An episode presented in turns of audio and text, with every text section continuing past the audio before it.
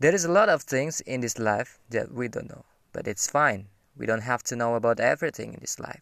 But the thing is, it's gonna be a big problem if we couldn't know about our own self. So, it's very necessary to talk about this, mengenal diri sendiri.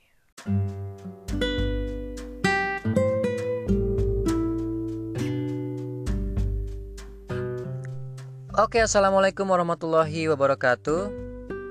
Apa kabar teman-teman semuanya? Semoga di penghujung bulan Ramadan ini semuanya masih dalam keadaan sehat-sehat dan puasanya juga masih lancar-lancar aja bagi teman-teman yang menjalankan ibadah puasa dan juga semoga kita semua masih dalam keadaan berbahagia. Kembali lagi kita masih akan terus berkontemplasi dan di season kali ini gue mau membahas hal-hal seputar apa yang terjadi atau apa yang kita hadapi or the things that we could and we couldn't do in this early 20s. Nah, memasuki usia awal 20-an ini rasa-rasanya semua hal jadi lebih serius, jadi lebih sulit, jadi lebih rumit dan kita dituntut untuk jadi lebih dewasa, jadi lebih bijak dan jadi lebih berhati-hati dalam menentukan langkah-langkah yang bisa menentukan kehidupan kita selanjutnya. Nah, kalau kita kilas balik, ketika kita masih usia di bawah 20 atau ketika kita masih usia belasan tahun, itu rasa-rasanya masalah yang kita hadapi itu nggak sekompleks masalah-masalah yang kita hadapi sekarang-sekarang ini dan pilihan-pilihan yang dihadapkan kepada kita tuh nggak serumit seperti pilihan-pilihan yang sedang kita hadapi di usia 20-an ini. Jadi usia 20-an itu seperti apa ya kayak kita tuh harus lebih aware gitu terhadap kita, diri kita sendiri. Jadi harus uh, punya alert lah gitu. Dan berkaitan dengan itu episode kali ini gue mau membahas tentang mengenali diri sendiri. Nah menurut gue ini cukup penting untuk kita bicarakan karena nggak sedikit orang-orang yang masih kebingungan nih sama dirinya sendiri. Atau kalian pernah nggak sih nanya sama diri kalian sendiri di usia 20-an ini sebenarnya gue ini orang yang seperti apa sih? Atau sebenarnya gue ini mau dipandang orang sebagai apa? Or what kind of life that we want it to be? Hidup seperti apa sih yang ingin kita jalani? Atau tujuan-tujuan seperti apa yang sebenarnya ingin kita capai? Dan masih banyak lagi tanda tanya tanda tanya yang jatuh di kepala kita. Dan itulah pentingnya bagi kita di usia awal 20-an ini untuk mencoba mengenali diri kita sendiri. Terlebih di era sekarang ini menurut gue di era hyper connection itu kita jadi banyak menerima informasi dari berbagai sumber dari berbagai media dari berbagai sudut pandang yang belum tentu kita tahu kredibilitasnya itu seperti apa. Jadi ketika kita mengkonsumsi terlalu banyak informasi dari berbagai sumber dari berbagai sudut pandang itu bisa menjadikan diri kita sebagai pribadi yang disorientasi. Nah, istilah disorientasi ini adalah ketika kita menjadi apa ya?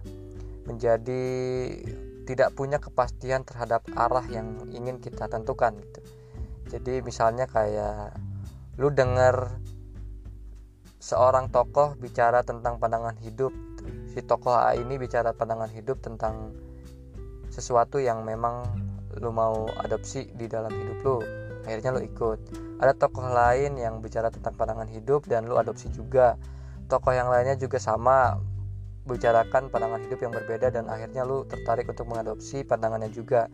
Dan akhirnya membuat diri lu menjadi pribadi yang disorientasi. Jadi belum settle lah istilahnya gitu. Belum punya prinsip yang kuat untuk menentukan atau untuk membawa diri kita itu mau ke mana gitu loh. Nah penting untuk kita di usia-usia awal 20-an itu untuk mengorientasi ulang diri kita atau mengenali diri kita kembali. Nah, dengan mengenali diri kita sendiri ini, kita jadi lebih mampu untuk memetakan hidup kita. Jadi bisa menentukan career path kita, menentukan pendidikan-pendidikan apa yang akan kita tempuh selanjutnya, atau sekadar menentukan orang-orang seperti apa sih yang kita inginkan berada di sekitar kita. Dan masih banyak lagi hal-hal penting yang bisa kita dapatkan dengan mengenali diri kita sendiri. Nah, pertanyaannya adalah sudahkah kalian mencoba untuk mengenali diri kalian sendiri? Nah, kalau belum, gue mau sedikit sharing tentang cara-cara yang pernah gue lakukan dalam upaya mengenali diri gue sendiri. Nah, yang pertama cara yang gue lakukan adalah mencatat persepsi terhadap diri sendiri. Jadi gue kayak nulis gitu uh, persepsi positif dan persepsi negatif gue terhadap diri gue sendiri di buku. Kayak misalnya gue adalah orang yang hmm, ceria atau gue adalah orang yang senang banget nyebar positivity atau gue adalah orang yang senang banget diapresiasi. Dan persepsi negatifnya juga harus ditulis. Kayak misalkan gue adalah orang yang malas atau gue adalah orang yang belum bisa menghargai hal kecil dari orang lain. Nah hal-hal seperti itu diperlukan ketika kita nantinya kehilangan diri kita jadi kita bisa baca ulang nah, persepsi kita ini dan kita jadi eh, nggak mudah ke distract sama persepsi-persepsi dari orang lain. Gitu. Dan yang kedua adalah gue biasanya membuat jurnal. Ini gue membuat jurnal hanya ketika gue mendapatkan pengalaman baru mendapatkan teman baru yang cocok sama gue dan juga ketika gue merasa sedih atau merasa kecewa biasanya gue nulis di jurnal ini supaya gue bisa mengetahui hal-hal seperti apa sih yang bisa bikin gue bersemangat atau bisa membuat gue seneng dan hal-hal seperti apa yang bisa bikin gue sedih dan kecewa.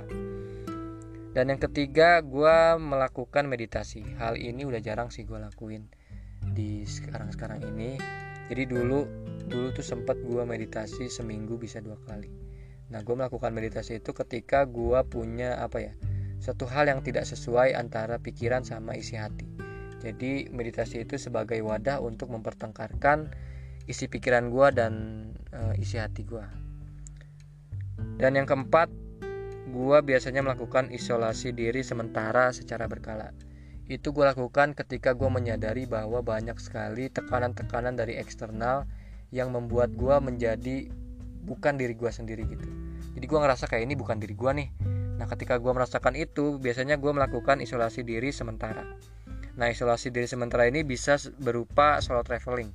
Nah solo traveling ini pernah gue lakukan dan gue jadi mendapatkan hal-hal baru yang dan gue merasa itu gue banget gitu nah ini penting juga untuk kalian lakukan mengisolasi diri kalian dari keramaian dulu gitu dan yang kelima biasanya gue sering diskusi sama teman-teman deket gue yang gue percaya untuk menanyakan hal apa sih yang kalian yang mereka suka dari diri gue dan hal apa yang mereka nggak suka dari diri gue dan ketika gue mendapatkan jawaban dari mereka akhirnya gue bisa tahu nih hal-hal yang gak terlihat sama diri gue sama um, sama mata gue sendiri tentang apa yang mereka suka dan apa yang mereka nggak suka dari diri gue.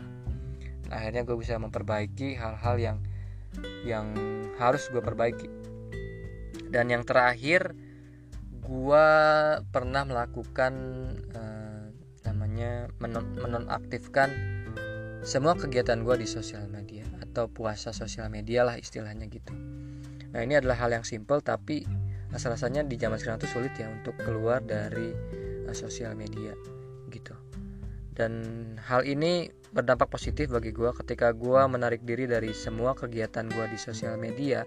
Itu gue jadi punya waktu untuk melihat lagi ke dalam diri gue dan mencoba hal-hal yang baru yang dan akhirnya gue bisa menemukan hal baru yang wah ini kayaknya gue banget nih. Dan itu bisa membuat gue jadi meningkatkan kualitas diri gue oke jadi itulah cara-cara gue dalam upaya mengenali diri gue sendiri siapa tahu ada poin-poin yang memang bisa cocok kalian lakukan juga dalam upaya mengenali, mengenali diri kalian sendiri. Dan itulah sharing singkat gue tentang mengenai diri sendiri and you have to try to find your own self with your own way tentunya. Dan gue punya satu pemikiran bahwa pada ujungnya hidup ini adalah tentang kesendirian dan pada akhirnya hidup kita adalah tentang diri kita sendiri jangan lupa untuk terus berkontemplasi bersama gue di episode selanjutnya gue bakal banyak membahas hal-hal seputar apa yang terjadi atau apa yang kita hadapi di usia 20-an ini. Jadi jangan bosan-bosan dengerin suara gua. Sampai jumpa lagi di podcast selanjutnya.